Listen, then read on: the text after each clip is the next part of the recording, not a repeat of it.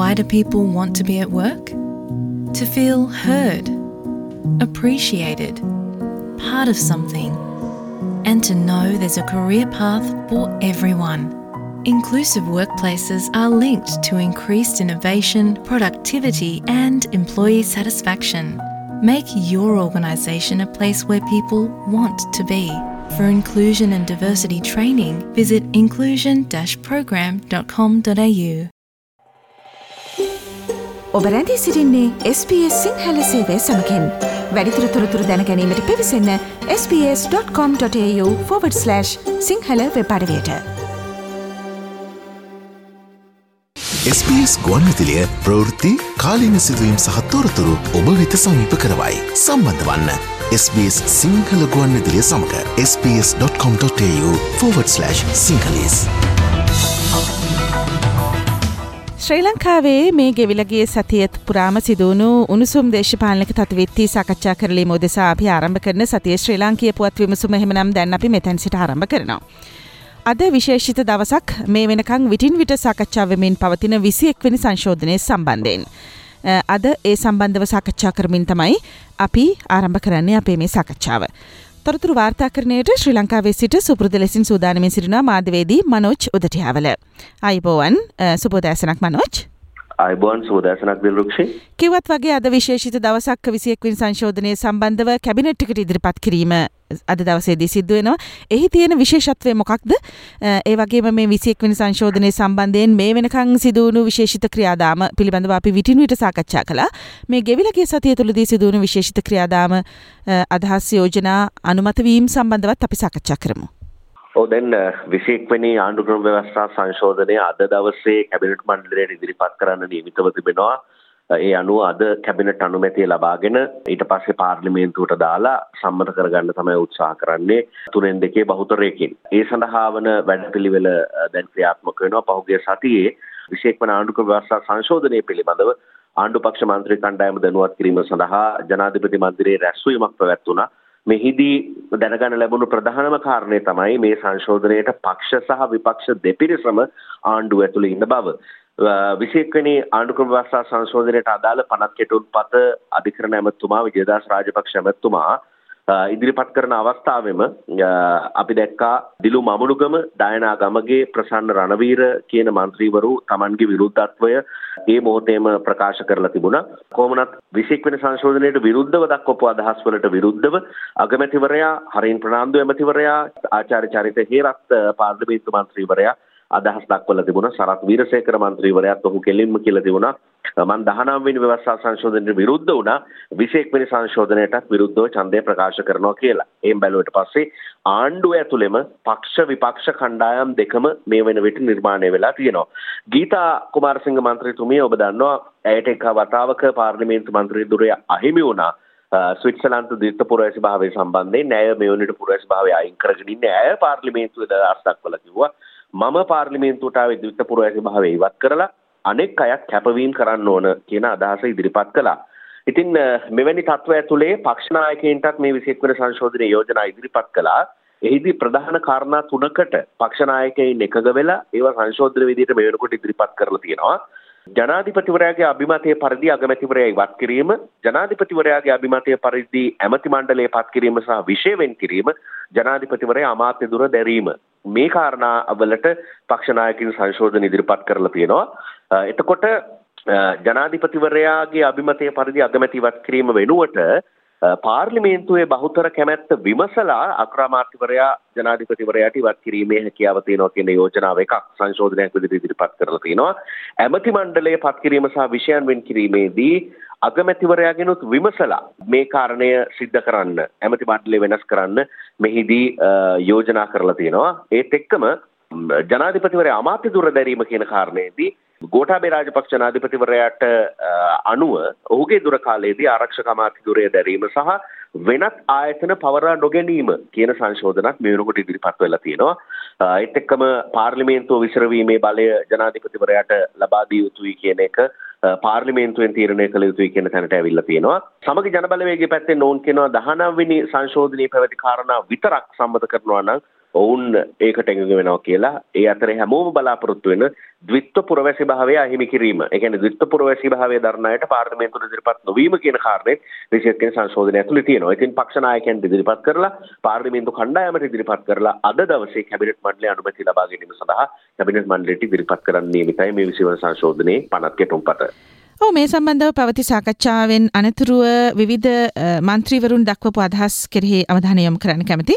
මේ ශ්‍රී ලංකා නිදහස් පක්ෂයේ මහලේකම් දාසිරි ජයසික්‍ර මහතාගේ අදහස ඇමතිවරු පත්කිරීමේදී සියලු දෙනාම වගේ එකඟ වුණා අග්‍රාමාත්‍යවරයාගෙන් විමසලා මේ ක්‍රියාදාමය ඉදිරියට ගෙන යා යුතුයි කියලා. ඒ වගේම අපි කිව්වේ ජනාධිපතිවරයාට අග්‍රාමාත්‍යවරයා ඉවත් කරන්න තියෙන හැකියාව තීරණය කළ යුත්තේ පාර්ලිමේන්තුවේ බහුතර බලය ඔහුට තිබෙනවද නැද්ද කියන කාරණය මතයි කියලා. දැන් උදාහරණයක් විදිහට ගත්තොත් ඒ සම්බන්ධව ඔහු පාර්ලිමේන්තුවට ඒ යෝජනාව එවිය යුතුයි. ඒක විශ්වාස භංගයක් වගේ කාරණයක් ගෙනල්ලා අග්‍රාමාත්‍යවරයා ඉවත් කරන්න පුළුවන් නැත්නම් ජනාධිපතිවරයාට හිතෙන හිතෙන වෙලාවට අග්‍රාමාත්‍යවරයා ඉවත් කරන්න බෑ කියන කාරණේ විශේෂ සංශෝධනය අනුව ක්‍රියාත්මක කරයි.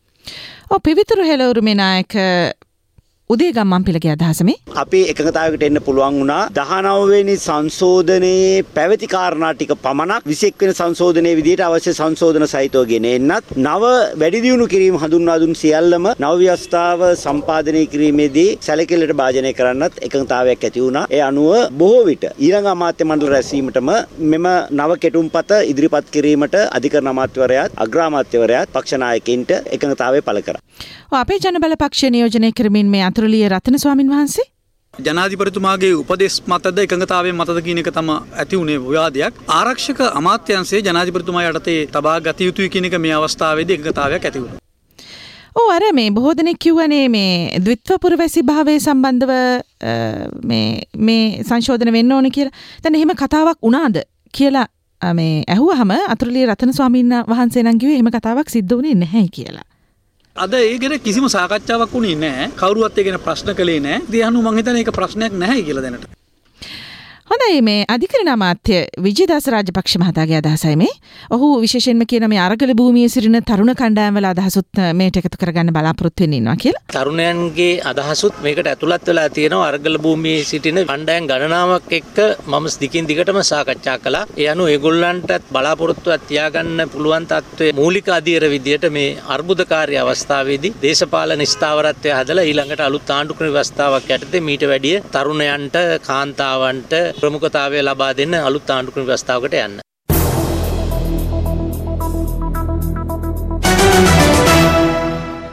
දැන් මීළඟට ටිකක් උණුසුම්කාරී වාතාවරණයක් මතු කරලා තිබුණා මේ විසියෙක්වනි සංශෝධනය සම්බන්ධව ආණ්ඩු පක්ෂයේ මන්ත්‍රීවරුන් දැනුවත් කරලී මොදෙසා පවත්වනු වැඩමුළුවේදී ඇතිවුණු යම් යම් කතාබහ දෝෂාරෝපණ එල්ල කිරීම.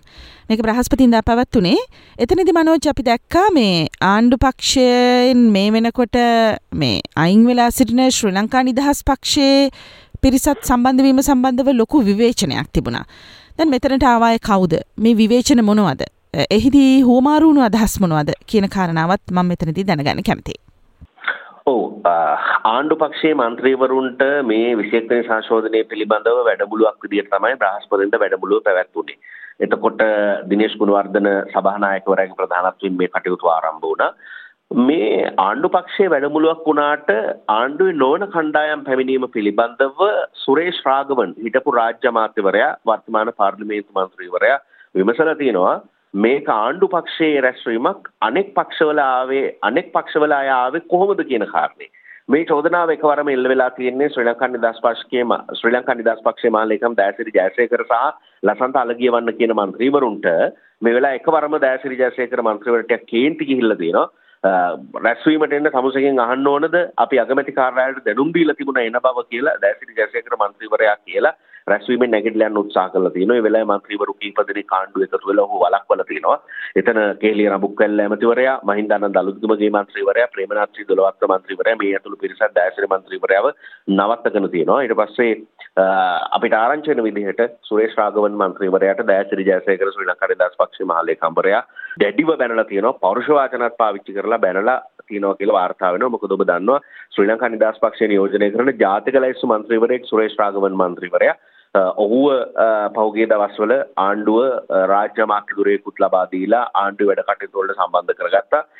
ඒ ආරෝව තමයි මේ වෙලාවේ පිටකරේ දෑසිරි ජයසේකර මන්ත්‍රීවරයා අහලා තිනවා මේ ශ්‍රී ලංකා නිදහස් පක්ෂයේ මන්ත්‍රීවරුම වෙලා අපිට අවඩක් වෙන වැඩවලට සම්බන්ධ වෙනවද කියන කාරණය විමසලා තියෙනවා. කොමුණත් මේ රැස්වීමේදී ද්විත්ව පුරවැසියන්ට පාර්ලිමේන්තුව නියෝජනය කිරීම හිමි කිරීම ගැන කතා කරනකොට කිසි මන්ත්‍රීවරයෙක් ඊට විරුද්ධව අදහස් දක්වලා නැහැ. නමුත් ඒ ජනාධිපතිවරයාට කියලා තියෙනවා මහ බැංකු අධිපතිවරයට අමාත්‍යංශ ලේකම්වරුන්ට අදාළවත් මේ ද්විත්ව පුරවැසි භාවය ද්විත්ව පුරවැසියන් නොවන අය ඒ තනතුරු වලට පත් කිරීම පිළිබඳව අවධානය යොමු කරන්න ඕන කියලා.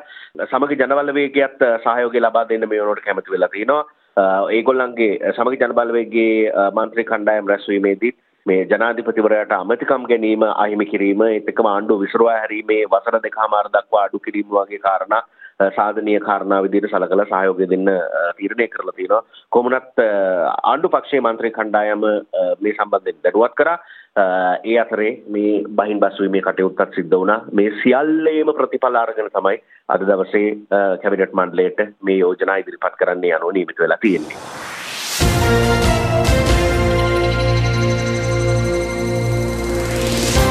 දැන් ඔය මේ ඔය සිදුවීම් සිදුවන අතරතුරේදී කනින් කොනින් වාර්තාවන අතුරු සිදුවීම් පිළිබඳවත් ටිකක් සැලකිල්ලට ගත්තතින් හොඳයි කියලා මට හිතෙනවා. මොකද මේ අතුරු සිදුවීම් විදිහට වාර්තා වෙන පුංචි පුංචි කතාබහ ඇතුළ තුල යම් යම් පුද්ගලයන් අතර පක්ෂ අතර තියෙන සම්බන්ධතාවය හෝ විරසක භාවය සම්බන්ධවත් අනාගතයේදී යම් කාරණා සිදුවන්නට නියමිතයි හෝ හැකි යන්න පිළිබඳව යම් දල චිත්‍රණයක් ලබා ගැනීමේ හැකියාව තියෙන නිසා. මේ කතාව වෙන්නේ ජනාධිපතිතුමා සහ මේ අගමැතිතුමා තමන්ගේ කාර්ය මණ්ඩලය හා සම්බන්ධව අගමැතිතුමා අලුතෙන් පත් කරලා තියෙනවා තමන්ගේ කාර්ය මණ්ඩල ප්‍රධානියාව ඔහුට යම් අවවාදයක් දීලා තියෙනවා කියලා වාර්තා වෙනවා ජනාධිපතිතුමා මේ වටේ ඉන්නාගෙන් පරිස්සම් වෙන්න කියලා. මේ ඇහෙන කතාව මොකක්ද මේ මනෝජ්?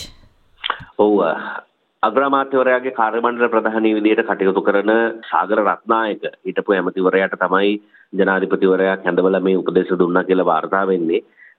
ගිය සතියේ ඔහු කියලා තියෙනවා මේ රනිල් වික්‍රමසිංහ අගමැතිවරයා වටේ ඉන්න සමහර පිළිස් සමහර පිරිස්වල ක්‍රියාකාරීත්වය ගැන ජනාධිපතිවරයා ටිකක් අප්‍රසාදයෙන් ඉඳලා තියෙන්නේ. ඔහු කෙලින්ම කියලා තියෙනවා මේ මහින්ද අයියටත් වැරදුනේ වටේ හිටපු අය නිසා අගමැති රනිල්ටත් ගිහිල්ලා කියන්න වටේ ඉන්න අයගෙන් පරිස්සම් වෙන්න කියලා මේ තත්ත්වය නිසා මේ අගමැතිවරයාගේ කණ්ඩායමේ ඉන්න සමහර අය පිළිබඳව තිබුණු අප්‍රසාදය නිසාම ජනාධිපතිවරයා මේ උපදෙස් දීලා තියෙනවා. සාගර රත්නායක හිටපු ඇමතිවරයා අගමැතිවරයාත් මේ ගැන දැනුවත් කරලා කියලා තියෙනවා ඒ වගේ පිරිස් ඉන්න එක ගැන ඒකේ තරම් යහපත් තත්වයක් නෙමෙයි කියලා කොමුණත් මේ මේ කාරණය ටිකක් වටින් පිටින් ඇහෙන කාරණයක් විදිහට තමයි අපිටත් වාර්තා වුනේ. සමහරු කියනවානේ ජනාධිපතිවරයා ටිකක් පැත්තකට එලා ඉන්න මේක කරගෙන යන්න දීලා වැඩි දේවල් වලට වැඩියක් වෙන්නේ නැහැ කියලා. නමුත් මේ වගේ තත්ත්වයන් පිළිබඳවත් ඔහු අවදීන් ඉන්න කියන කාරණේ තමයි හර මතක් වෙන්නේ. කෙලින්ම අග්‍රාමාත්‍ය කාර්යමණ්ඩල ප්‍රධානියාව කැඳවලම ඒ පිළිබඳව කියලා තියෙනවා. අගමැතිතුමා වටේ ඉන්න අය පිළිබඳව ඒ තරම් ප්‍රසාදයක් නෑ වුන් වැඩ කරන විදිය ගැන කියලා මහින්ද රාජපක්ෂ හිටපු අගමැතිවරයාට උනේ ඒකමයි කියන දේ උදාහරණයට අරගෙන තමයි මේ උපදේශය දීලා තියෙන්නේ. SBS ගුවන්විදුලිය ප්‍රවෘත්ති කාලීන සිදුවීම් සහ තොරතුරු ඔබ වෙත සමීප කරවයි. සම්බන්ධ වන්න. SBS සිංහල ගුවන් විදිලිය සමඟ sps.com.tu සිංහලස්. සතිය ශ්‍රී ලාංකීය පුවත් විමසුමෙන් අපි මීළඟට අවධානයට යොමු කරන්නට කැමති ජනතා විමුක්ති පෙරමුණු සහ පෙරටුගාමීන් පිළිබඳව. ඔබ දන්නවා මේ ජනතා විමුක්ති පෙරමුණෙන් කැඩලගිය කොටසින් නිර්මාණය වුණු පෙරටුගාමීන් සහ ජනතා විමුක්ති පෙරමුණ අතර හිත හොඳක් නැහැ තාමත්. නමුත් ජාතික ජනබලවේගයට එකතු වෙන්න කියලා යම් ආරාධනාවක් තියෙනවා ජනතා විමුක්ති පෙරමුණ පැත්තෙන් පෙරටුගාමීන්ට කියලා තොරතුරක් වාර්තා වෙනවා. දැන් මේ විරසකේ නිමාවන්නට දෙන්නේ මොකක්ද හිතත්වය? ඔව් ඒ පිළිබඳව සාකච්ඡාවක් තිබුණනේ ගිය සතියේ පෙරටුගාමී පක්ෂය ආරම්භ කරේ ජනතා විමුක්ති පෙරමුණෙන් වෙන් වෙච්චි ජනතා විමුක්ති පෙරමුණේ වෙලාවේ නියෝජනය කරපු කණ්ඩායමක් එකතු වෙලා දැන් ඔය කුමාකුණ රත්නම් සැලකෙන්නේ ජනතා විමුක්ති පෙරමුණේ රහසිගත නායකවරයා විදියටනේ. ඉතින් මේ ඔහු ඇතුළු කණ්ඩායමක් පක්ෂයෙන් අයින් වෙලා පෙරටුගාමී සමාජවාදී පක්ෂය පිහිටුවා ගත්තේ මීට අවුරුදු 10කට විතර කලින්. කොමුණත් මේ කඳවුරු දෙක අලුතෙන් එකතු වෙන්න සාකච්ඡාවක් ජනතා විමුක්ති පෙරමුණේ ප්‍රධාන කාර්යාලයේදී පැවැත්වුණා. මේ සාකච්ඡාවට ජනතා විමුක්ති පෙරමුණ සහභාගී වුණේ ජනතා විමුක්ති පෙරමුණ විදිහට නෙවෙයි ජාතික ජනබලවේගය විදිහට නිහල් අබේසිංහ වෛද්‍යවරයා ලාල්කාන්ත මන්ත්‍රීවරයා අනුර කරුණාරත්න මහින්ද රත්නායක එතකම ජාතික ජනබලවේගයෙන් ජාතික ලැයිස්තුවෙන් පාර්ලිමේන්තුව නියෝජනය කරන හරිනි අමරසූරිය මන්ත්‍රීවරිය ඇතුළු කණ්ඩායමක් තමයි ජාතික ජනබලවේගය නියෝජනය කරමින් ඇවිල්ලා තිබුණේ. පෙරටුගාමී සමාජවාදී පක්ෂය වෙනුවෙන් පුබුදු ජයගොඩ චමීර පොස්වත්ත චන්දන සිරිමල්ලත්ත කියන කණ්ඩායම ඇවිල්ලා තියෙනවා. ඔවුන් හම්බ වෙලා මේ සාකච්ඡා කරලා තිනවා අපි දකිනවා දැන් මේ වෙලාවේ තියෙන අරගලය. එතකොට ශිෂ්‍ය ක්‍රියාකාරීත්වය ඔවුන් මේ ක්‍රමවේදයට විරුද්ධ වරගල කිරීම පෙරටුගාමි සමාජවාදී පක්ෂය අන්ත යුක්ති පෙරමුණ දෙකම එකතු වෙලා තමයි සිද්ධ කරන්නේ. ඉතින් මේ කැඩිච්ච කණ්ඩායම් දෙක එකතු වුණොත් ඔවුන්ට ඔවුන්ගේ කඳවුර ශක්තිමත් කරලා තවදුරටත් බලය ලබා ගැනීමේ ගමනට යන්න පුළුවන් කියන විශ්වාසයෙන් වෙන්න පුළුවන්. ඔවුන් හම්බෙලා සාකච්ඡා කරා පළමු අධීරේ සාකච්ඡායම් සාර්ථකත්වයක් තියෙනවා කියලා තමයි දැනට වාර්තා වෙන්නේ. ඒකේ අවසාන ප්‍රතිඵලයක් නම් තාම නෑ. මේ මූලිකව හම්බ වෙලා කරපු සාකච්ඡාව නිසා ඒක තමයි පසුගිය සතියේ සිද්ධ වුණේ.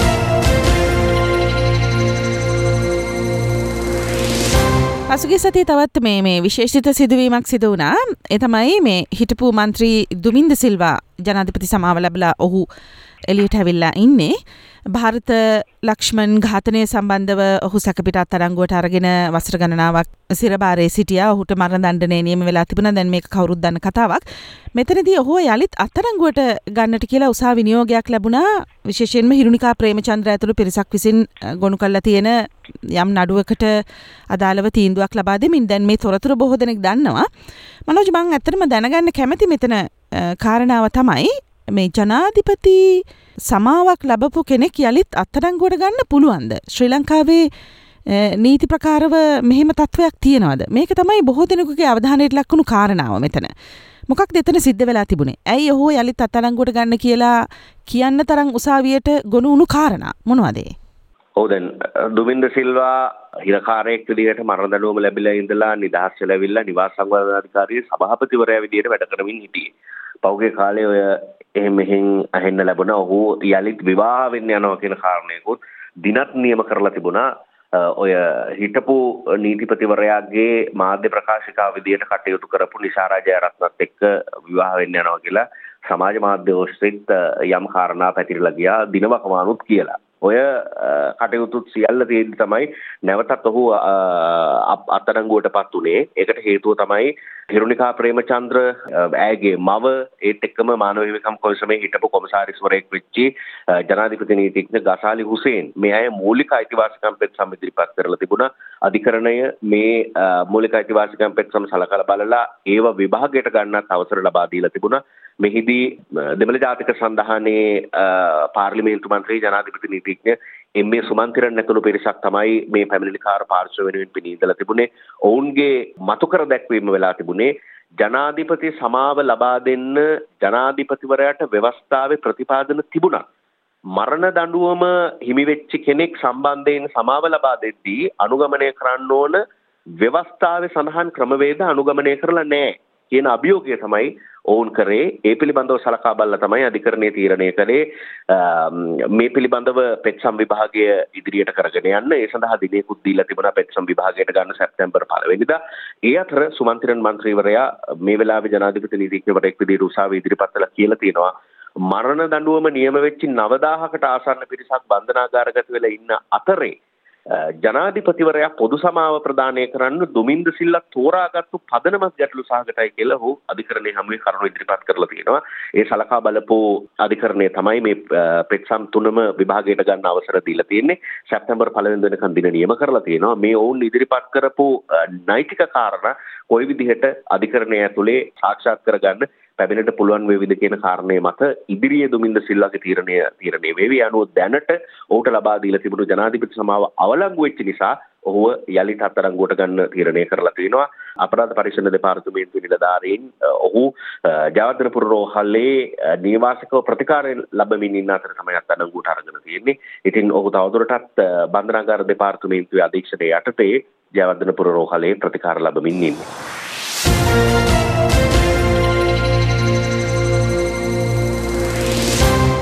විශේෂිත නඩු තීන්දුවක් මේ ගෙවිලගේ සතියේ ප්‍රකාශයට පත් කෙරුණ.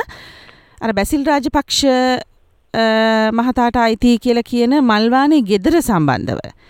දැන් ඔය ගෙදරට අයිතිකාරයෙක් නැතුවනේ තිබුණේ මේ වෙනකං මේක බැසිල් රාජපක්ෂට අයිති කියලා කිව්වට ඔහු කියන ඔහුට අයිති නෑ කියලා ඊට පස්සේ තිරුණඩේසන් ට මේක අයිති කියලා කියනවා ඒ ඔහුත් නෑ කියලා කියනවා අවසාන වශයෙන් මේ යම් අයිතිකාරයෙක් ඉදිරිපත් වුණා වෙනත් පුද්ගලෙක් මේ නිවස මං හිතන්නේ ඔහුගේ නමට තියෙන්නේ නමුත් ඔහුත් කියනවා මේක ඔහුට අයිති නෑ කියලා. දැන් එතකොට මේක මොකද්ද මේ? මනෝජ් මේක නිකන් භූත බංගලාවක් වගේ තත්වයකට පත් වෙලා තියෙන්නේ ඇත්තටම. කාටද මේ නිවස අයිති? එතකොට මේ නඩු තීන්දුවෙන් මේක මේ බැසිල් රාජපක්ෂ තිරුණඩේසන් කියන පිරිස නිදහස් කළේයයි. මොන කාරණා පදනම් කරගෙනද? ඔව් ඇත්තටම දැන් මේ මල්වානි තියෙන අක්‍රදාස්සයක ඉඩම බැසිල් රාජපක්ෂ හිටපු ඇමතිවරයාගේ තිරුණඩේසන්ගේ බුද්ධිත ජයකොඩි කියන ගෘහ නිර්මාණ ශිල්පියා කියන තුන්දෙනාගේම නොවන නිසා ඒ කියන්නේ ඔවුන් මේ දේපලට හිමිකම් නොකියන නිසා මේ පූගඩ මහේස්ත්‍රාත් අධිකරණයේ නඩු විභාගයේදී ප්‍රකාශ වෙච්ච විදිහට නීතිපති උපදෙස් අනුව මේ මල්වානේ තියෙන ඉඩම නිවස ඒ දේපල රජයට පවරාගෙන තියෙනවා කියලා මේ ගම්පහ පැවැත්වෙච්චි නඩු විභාගයේදී අනාවරණය වෙලා තියෙනවා. කොමුණත් මේ සිද්ධියට අදාළව නීතිපතිවරයා අධිචෝදනා විත්තිකරුවන්ට ගොනු කරලා තියෙනවා විත්තිකරුවන් දෙදෙනෙක් වන මේ බැසිල් රාජපක්ෂ සහ තිරුණඩේසන්ට නීතිපතිවරයා මේ ගොනු කරපු චෝදනා සාධාරණ සැකයෙන් ඔබට ඔප්පු කරන්න පැමිණිල්ල අපෝසක් වීම නිසා නඩුව තවදුරටත් පවත්වාගෙන යන්නේ නැහැ කියලා තීන්දු කරපු මාධිකරණ විනිසුරුවරයා මේ විත්තිකරුවන් දෙදෙනාව නඩුවෙන් නිදොස් කොට නිදහස් කරලා තියෙනවා.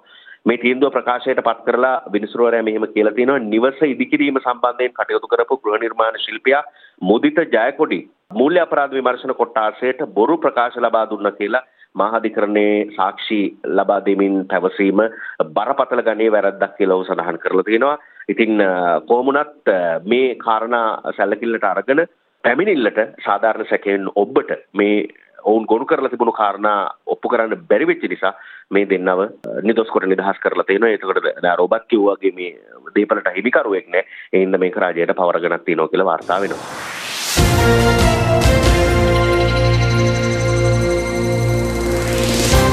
අවසාන වශයෙන් සාකච්ඡා කරන්නට කැමති මනෝජ් මේ රුසියානු එරෝෆ්ලොට් ගුවන්යානය සම්බන්ධව මේ වෙනකොට ඇති වෙලා තියෙන තත්වය පිළිබඳව මේ සිදුවීම් පිළිබඳව මං හිතන්නේ දැන් බොහෝ දෙනෙක් දන්නවා. මේ ශ්‍රී ලංකාවෙන් පිටත්ව යාමට නියමිත වෙලා තිබුණු මේ එරෝෆ්ලොට් ගුවන් සමාගමට අයත් ගුවන්යානය පියාසර කරන්නට ඉඩ නොදී තහනම නියෝගයක් ලබාගත්තා වාණිජ උසාවියකින් ශ්‍රී ලංකාවේ මේක මේ අයර්ලන්ත රුසියානු සමාගම් දෙකක් අතර තියෙන ගැටලුවක් අවසාන වශයෙන් රාජතාන්ත්‍රික ගැටලුවක් දක්වා දුරදිගයාමෙන් තිබුණේ දැන් අපි දකිනවය සම්බන්ධව යම් යම් තීන්දු තීරණ අරගන්නට දෙපාර්ශවයම පෙළමිලා තියෙන වගක්. මකමති මේ සිදුවීම සම්බන්ධව සංක්ෂිප්තව විස්තරයක් කරලා දැන් තියෙන තත්වය පිළිබඳවත් ඔබගෙන් අලුතින්ම තොරතුරු දැනගන්න. ඔව් දැන් මේ ගුවන් යානයේ රක්ෂණ ගැටලුවක් තිබිලා තියෙන්නේ. මේ ගුවන් යානයත් අයර්ලන්තේ අයර්ලන්ත සමාගමක රක්ෂණය කරලා තියෙනවා. කොහොම වුණත් ඔවුන්නේ රක්ෂණ වාරික ගෙවලා නැහැ කියන පදනම මත තමයි කොළඹ වාණිජ්‍ය මහාධිකරණයේ මේ සම්බන්ධයෙන් නඩුවක් ගොනු කරේ. ඒ අනුව රඳවා ගන්න තීරණය කරලා තියෙන්නේ. හැබැයි මෙහෙම වෙලා තියෙන්නේ රුසියානු ෆෙඩරේෂනයේ ඉහළ රාජ්‍යතාන්ත්‍රික නායකයිනුයි ලංකා රජයේ රාජ්‍ය නායකයන් මේ රුසියානු ගුවන්යානා ලංකාවට ආවට පස්සේ කිසිම හේතුවක් මත රඳවා ගැනීමක් කරන්නේ නැහැ කියලා ලිඛිත එකගතාවයකට ඇවිල්ලා තියෙන වෙලාවකදී ඒක තමයි ප්‍රශ්නේ වෙලා තියෙන්නේ. කොමුණත් මේ යුක්්‍රේන් රුසියා යුද ගැටුම් නිසා මේ රක්ෂණ වාරික අයලන්ත සමාගමට ගෙවනවා වෙනුවට ඔවුන් රුසියාවේ රක්ෂණ ආයතනයක මේ ගුවන් යානා සියල්ල ප්‍රතිරක්ෂණය කරලා තියෙනවා කියලාත් වාර්තා වෙනවා. මේකට අදාළව තමයි කොළඹ වාණිජ්‍ය මහාධිකරණය ගුවන් යානයේ ගුවන්ගත නොවන්න වාරණ නියෝගයක් ලබා දීලා තිබුණේ.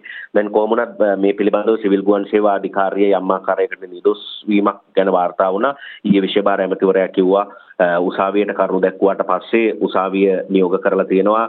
මේ නිකුත් කරපු තහනම සිවිල් ගුවන් සේවා අධිකාරියට බලපාන්නේ නැහැ කියලා ඒ අනුව දැන් අවශ්‍ය නම් සිවිල් ගුවන් සේවා අධිකාරියට මේ යානයට යන්න අවසර දෙන්න බලය තියෙනවා කියලා කියනවා. හැබැයි ඒ රුසියාව කරන ඉල්ලීමකට අනුව හැබැයි රුසියානු ගුවන් සමාගම හෝ රුසියාව පාර්ශවයෙන් තාම එහෙම එකක් කරලා නැහැ. ඒකට හේතුව තමයි මේ ගුවන් සමාගමටත් වාරණ නියෝගයක් නිකුත් කරලා තියෙනවා. මේ ගුවන් යානය රැගෙන යන්න බෑ කියලා. ඒ හින්දා මේ ඉල්ලීම රුසියාව පැත්තෙන් කරන්න නැතුව ඇති කියලා වාර්තා වෙනවා. මොකද එතකොට ඔවුන්ටත් උසාවියට අපහාස කිරීමක් සම්බන්ධයෙන් චෝදනාවක් එල්ල වෙන නිසා. දැන් අද දවසෙත් විශේෂයෙන්ම නීතිපතිවරයා උසාවි ගිහිල්ලා මේක සමතයකට පත් කරගන්න. ලංකාවේ ආර්ථිකයට වෙලා තියෙන බලපෑම සංචාරක කර්මාන්තයට වෙලා තියෙන බලපෑම රුසියාවත් එක්ක තියෙන දිගුකාලීන මිත්‍රත්වය මේ කාරණා පදනම් කරගෙන ඉක්මනට මේක බේරුමක් කරගන්න කටයුතු කරන්න අවශ්‍ය කාරණා උසාවියට ඉදිරිපත් කරන්න අද නීතිපතිවරයාත් කටයුතු කරනවා කියලා වාර්තා වෙනවා. මේක රාජතාන්ත්‍රික ගැටලුවක් බවට පත් වෙලා තියෙනවා. ඔබත් කිව්වා වගේ රුසියානු සංචාරකයන් රුසියාව කියලා තියෙනවා. ඉතා ඉක්මනින් තියෙන සංචාරය අතරමඟ නවත්තලා හරි රුසියාවට එන්න කියලා. විශාල සංචාරකයන් පිරිසක් ලංකාවට නියමිත වෙලා තියෙනවා ඉස්සරහට. එතකොට මේ ගුවන් යානය ගුවන්ගත නොකරපු නිසා ගුවන් යානයෙන් රුසියාවට යන්න හිටපු පිරිසට යන්න බැරි වුණා. ඔවුන් තාවකාලිකව ලංකාවේ හෝටල් වල රඳවලා තිබුණා. දැන් රුසියාවේ මොස්කව් වල ඉඳලා මගීන් රහිතව කිස්වා ආපු ගුවන් යානා ලංකාවේ යන්න බැරුව හිටපු රුසියානු ජාතිකයින්ව මේ ගුවන් යානේ යන්න හිටපු පිරිසව රුසියාවට රැගෙන යන්න කටයුතු කරා. ඒ කටයුතු ඊයේ දවසේ සිද්ධ වුණා. බොහොම ස්තුතියි මනෝජ් මේ ගෙවිලගේ සතිය ශ්‍රී ලංකාවේ සිදුවුණු උණුසුම් වාතාවරණ දේශපාලනික තොරතුරු පිළිබඳව කරුණු හෙළිදරව් කරන්න සාකච්ඡා කරන්න අපිත් එක්ක සම්බන්ධවීම පිළිබඳව. අපි එහෙමනම් හමුවෙමු ලබන සතිය සඳතා. අයිබෝවන්. අයිබෝන් බෝ සුපිරි දක්ෂ.